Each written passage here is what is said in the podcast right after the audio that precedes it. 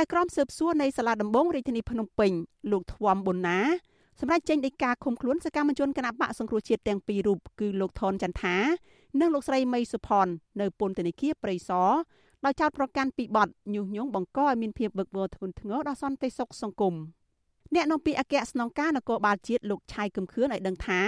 អាញាធរបានចាប់ខ្លួនសកម្មជនបកប្រឆាំងទាំងពីររូបដោយសារពួកគេបង្ហោះសារដែលមានន័យប្រមាថថ្នាក់ដឹកនាំនិងញុះញង់ពាក់ព័ន្ធនឹងការចាក់វ៉ាក់សាំងការពារជំងឺ Covid-19 លោកថាពលរដ្ឋមានសិទ្ធិបញ្ចេញមតិរបស់ខ្លួន ដែលមានការគាំពៀដោយច្បាប់ប៉ុន្តែអាជ្ញាធរក៏អនុវត្តច្បាប់របស់ខ្លួនលើបុគ្គលដែលបញ្ចេញមតិចង់កេងចំណេញនយោបាយ។ គេកំពុងតែរងគ្នាលើកទឹកចិត្តទូទាំងប្រទេសក្នុងការបង្ការទប់ស្កាត់ប្រឆាំងនឹងវីរុស COVID-19 យើងទៅបង្កើតរឿងឲ្យចរាចរណ៍រឿងកេះរឿងចុះរឿងចាក់សាំមានរឿងងាប់រឿងលុកបាក់សាំងរឿងអីទៅហោប្រមាថដល់សារនំនឹងធ្វើឲ្យប្រជាពលរដ្ឋជួយរបស់ទូចាមិនសន្តិភាពដែរអត់បើគាត់តែជេរគេតែគាត់មានចិត្តបច្ចេកទេសឥឡូវគេអនុវត្តច្បាប់គេក៏ទៅទៅមានសិទ្ធិអនុវត្តច្បាប់ដែរតើតើករណីនេះអាស៊ីសេរីមិនអាចតកតអ្នកនាំពាក្យសាលាដំបងរាជធានីភ្នំពេញលោកអ៊ីរ៉ានបានទេ ដោយទូរស័ព្ទចូលច្រើនដងពុំមានអ្នកទទួលកូនស្រីរបស់សកម្មជនបកប្រឆាំងលោកស្រីមីសុផនគឺលោកស្រីហឿងណាត់ផាលីលើកឡើងថាអាញាធរចាប់ខ្លួនម្ដាយរបស់លោកស្រីដោយមិនបានជូនដំណឹងដល់លោកស្រីឬបង្ហាញដីកានោះទេលោកស្រីបន្តថាលោកស្រីបារម្ភពីសវត្ថិភាពម្ដាយរបស់លោកស្រីនិងទទូចឲ្យសមត្ថកិច្ចជួយផ្ដល់ដំណឹងឲ្យលោកស្រីដើម្បីបានសួរសុខទុក្ខគ្រួសារ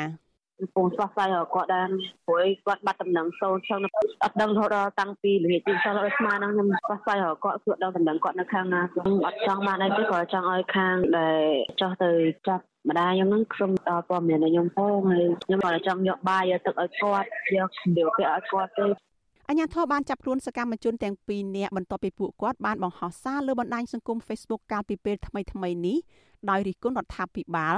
ពាក់ព័ន្ធនឹងយុទ្ធនាការចាក់វ៉ាក់សាំងរបស់ចិន Sinopharm ដែលពុំមានការទទួលស្គាល់ត្រឹមត្រូវពីអង្គការសុខភាពពិភពលោក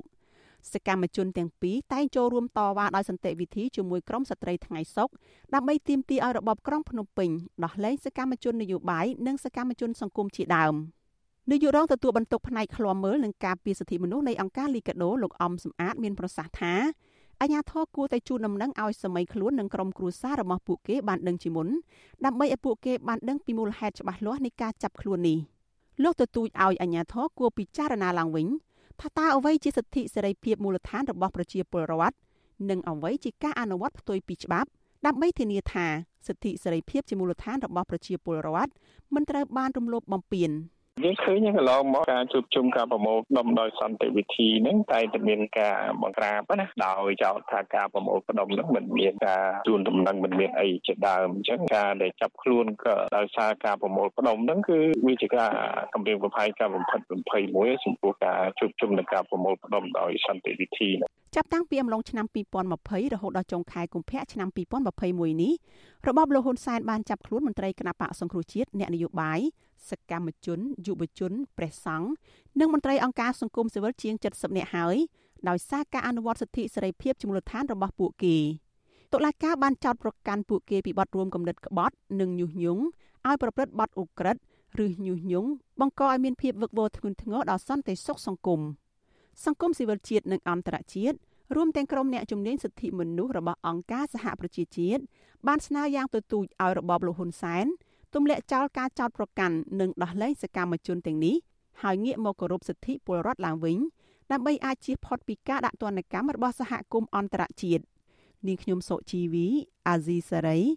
រាយការណ៍ពីរដ្ឋធានី Washington